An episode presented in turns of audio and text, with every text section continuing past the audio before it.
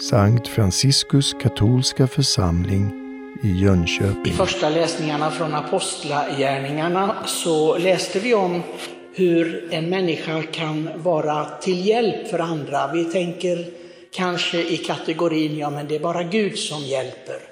Men Gud hjälper, ja, men genom oss. Han vill verka genom oss. Var och en av oss, när vi vill medverka med Gud, är en fortsättning av människoblivandet, av inkarnationen.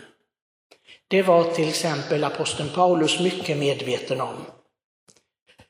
Vi fortsätter Herrens verk, vi fortsätter att vara så som mystikerna kallade någon slags medfrälsare.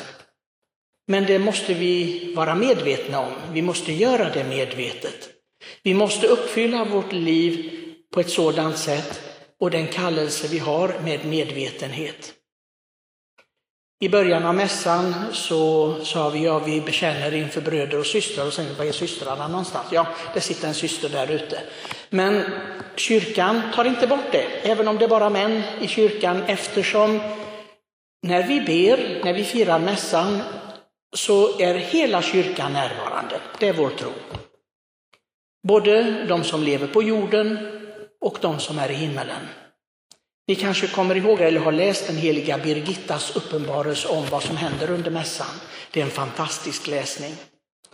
Eh, det är riktigt tumult i kyrkan av änglar och av andeväsen, av helgon, av Guds moder Maria som knäböjer inför förvandlingsorden när prästen uttalar detta är min kropp, detta är mitt blod.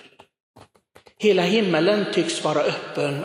Hon såg någonting helt fantastiskt. Det var den största visionen hon hade om just mässan. Och vi vet att dessa andekrafter, de har också fått välja.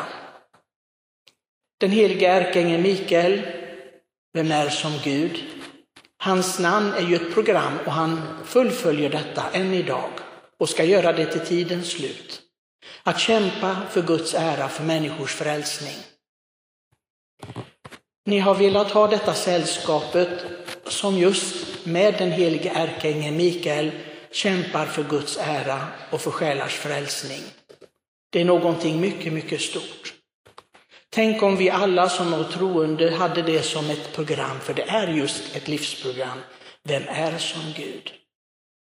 Bara med detta mottot kan han övervinna precis allt. Allting får en annan dimension om man just uttalar detta motto. Se på den helige Franciscus med bara fyra små ord. Min Gud, mitt allt, vad han, upp, vad han uppfyllde i livet, vad han kom fram till. Och detta att vara medveten om det, att vem är som Gud? Det finns ingenting som kan jämföras med Gud. Och vi vet att Gud tvingar ingen. Änglamakterna, de fick välja långt innan världens skapelse.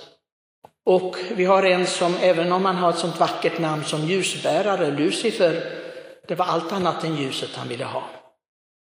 Och det är ju risken än idag, och vi ser situationen i kyrkan idag. Är det någon tid som behöver just ärkeängeln Mikaels hjälp att förstå vem är som Gud, så är det väl vår tid. Jag har en medbroder inne i klostret som säger alla tider har varit svåra. Du tror inte att den här tiden är svårare än någon annan. Må hända, må hända. Men idag så har vi mängder av präster som ställer sig upp mot Rom, mot kyrkans lära och vill göra någonting helt annat. Nej, jag vet bäst. Jag vet bäst. Och även om man är vigd till Guds tjänst, då förstår vi hur fasansfullt det är att uttala någonting sådant. Jag vet bäst. Ärkeängeln Mikael vill bara tjäna för Guds ära. Vet att den kärleken är värd att tjäna och älska. Och Jesus, vår Herre, han säger ju till och med, den som går in i det här, så att säga, spåret att vilja tjäna Gud, den är inte längre en tjänare. Den är verkligen hans vän. Kan tänka, det är någonting så ofattbart för mig att Gud själv kallar en människa för vän. Det är, det är någonting helt ofattbart. Vi är en skapelse. Vi är inte Gud. Men han kallar oss för vän, men han säger också med kruxet, om ni gör det jag vill, det jag säger att ni ska göra, Och det, det är lättare än vad man tror. Många människor eh, komplicerar livet och tänker nej, jag måste göra enligt det och vad jag tycker och tänker och, och så här. Och vi är skapade till Guds ära och det är faktiskt enklare än vad vi tror. Helgonen bevisar detta. Så låt verkligen ert liv bli denna tjänsten.